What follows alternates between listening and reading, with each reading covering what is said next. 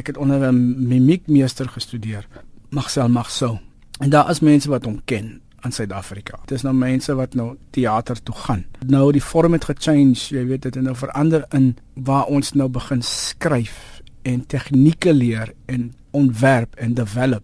So kom ons gaan dan in die verskillende forme daarvan want ek is seker dit wat jy studeer het en die man wat ons op die straat sien is twee verskillende forme van mimiek. Ja, kyk, ek gee nie om vir die ou wat in die straat werk nie en mimiek doen daarso nie. Maar die ding is baie mense kom na my toe en sê vir my, jy weet, ek kan nie verstaan hoe 'n ouetjie met 'n wit gesig met gloves hier 'n half show gaan doen of so iets nie. Jy weet, ons is nou interested om dit te sien. En my werk is nou klassieke mime. Klassieke mime kom eintlik van Frankryk af. Dis hmm. gedoen deur Marcel Marceau en dan het jy Jacques Lecoq skool, which is ook 'n mime skool. Maar dis nou twee verskillende mime. Hy's meer goed wat jy leer by sy skool is nou weer sirkus en sulke goed. Marcel Marceau het weer 'n ander teater mime in. En dan het jy ook op die straat, dan het jy pantomime. En ek dink ons is baie onopgevoed as dit kom by hierdie onderwerp. Waar kry 'n mens dan spesifiek opleiding? Uh, in Amerika is hulle hulle is mal oor mime mime is eintlik hulle kos en jy studeer dit in die universiteite en seker goed. Jy weet hulle is oral is mime. Ehm um, nou het ek gekom van Armenië af waar ons gedoen het net 'n mime festival. Daar was niks musiek nie, daar was niks net mime gewees. En dan het was dit mense van Georgia, Russia en almal daai ouens wat saamgekom het en ons het gekompete eintlik en ek was eintlik daar gewees as 'n Suid-Afrikaner. So ek dink jy sal dit net kan oorsee studeer. Dit depends of as jy Frans kan praat of Engels praat dan gaan jy na Engeland toe of jy gaan Amerika toe of jy gaan Rusland toe of daar is net 'n plek in in Londen maar dis 'n spesiale spesiale tegniek wat ja. jy gaan 15 jaar vat om dit te kan meester. Nou wat jou liefde dan vir mimiek vandaan gekom en hoe was jy blootgestel daaraan? Ag ek dink dit kom van van kleins af dit was maar net in my bloed in gewees.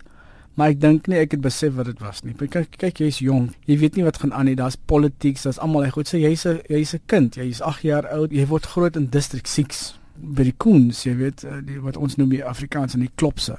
En ons het daar ek een Saterdag gegaan met my pa. Hulle speel in die band en toe staan ek daar so in die hoekie en ek dans in die hoekie en hulle doen audisies hier met ander kinders wat daar is. Hulle loop om hulle roep dit die voorloper. En toe sê hulle vir my nou hoekom daai ouetjie wat daarso dans nie, hoekom hier en en doen nie audisie, doen, doen ek dit en toe kry ek die die rol. En van daai dag af het, het ek begin vir die Koens te werk. En ek het die heel eerste Cape Town Festival wat hy eers uitgekom het, het ek gedoen.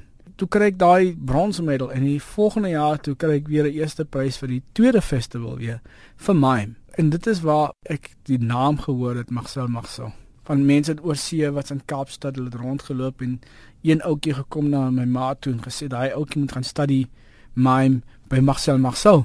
So hier kom jy van District 6 af en jy ken nie wie Marcel Marceau is nie en en toe het maar net daarvan aan verder gegaan.